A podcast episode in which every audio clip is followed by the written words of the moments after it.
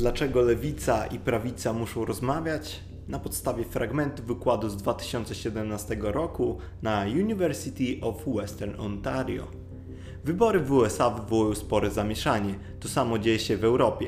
Ludzie zazwyczaj głosują zgodnie ze swoimi cechami osobowości. Zazwyczaj, gdy rozmawiamy z ludźmi o lewicowych lub lewicowo-liberalnych poglądach, są to ludzie otwarci na nowe doświadczenia oraz mało sumienni, a prawicowi niechętni na nowe doświadczenia rozbierni tradycyjnym wartościom. Załóżmy również, że oboje to dość rozsądni ludzie. Lewa strona jest lepsza we wdrażaniu do życia nowych rzeczy, a prawa we wdrażaniu już istniejących, a oczywiście obie są potrzebne.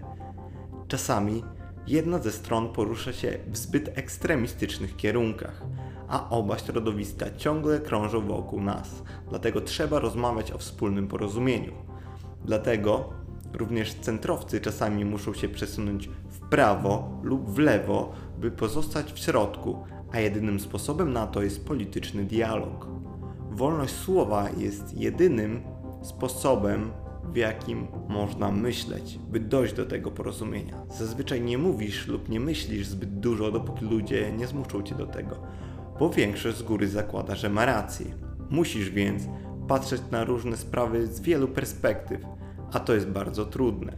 Takie myślenie jest niewygodne i bolesne, lecz potrzebne. Przez to, że jest to trudne, ludzie mówią przez język swojej ograniczonej perspektywy.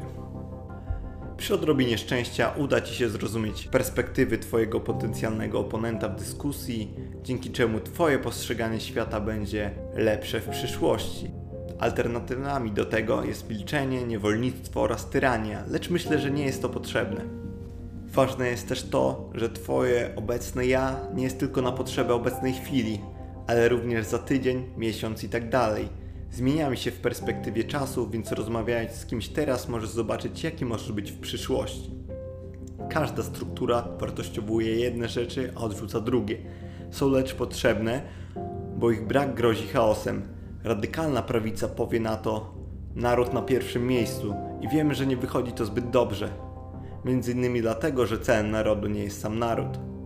Warto więc rozbudować się do wartości, którą będziecie szanować. Pomoże to nam uniknąć dehumanizacji nacjonalistycznego sztywnego porządku radykalnej prawicy oraz obrzydliwego chaosu radykalnej lewicy.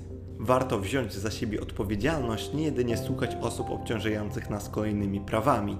Ile praw chcesz jeszcze mieć? Warto mieć w sobie również trochę odpowiedzialności.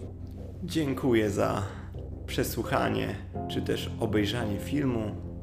Zapraszam do komentowania Zostaw łapkę w górę, subskrypcję.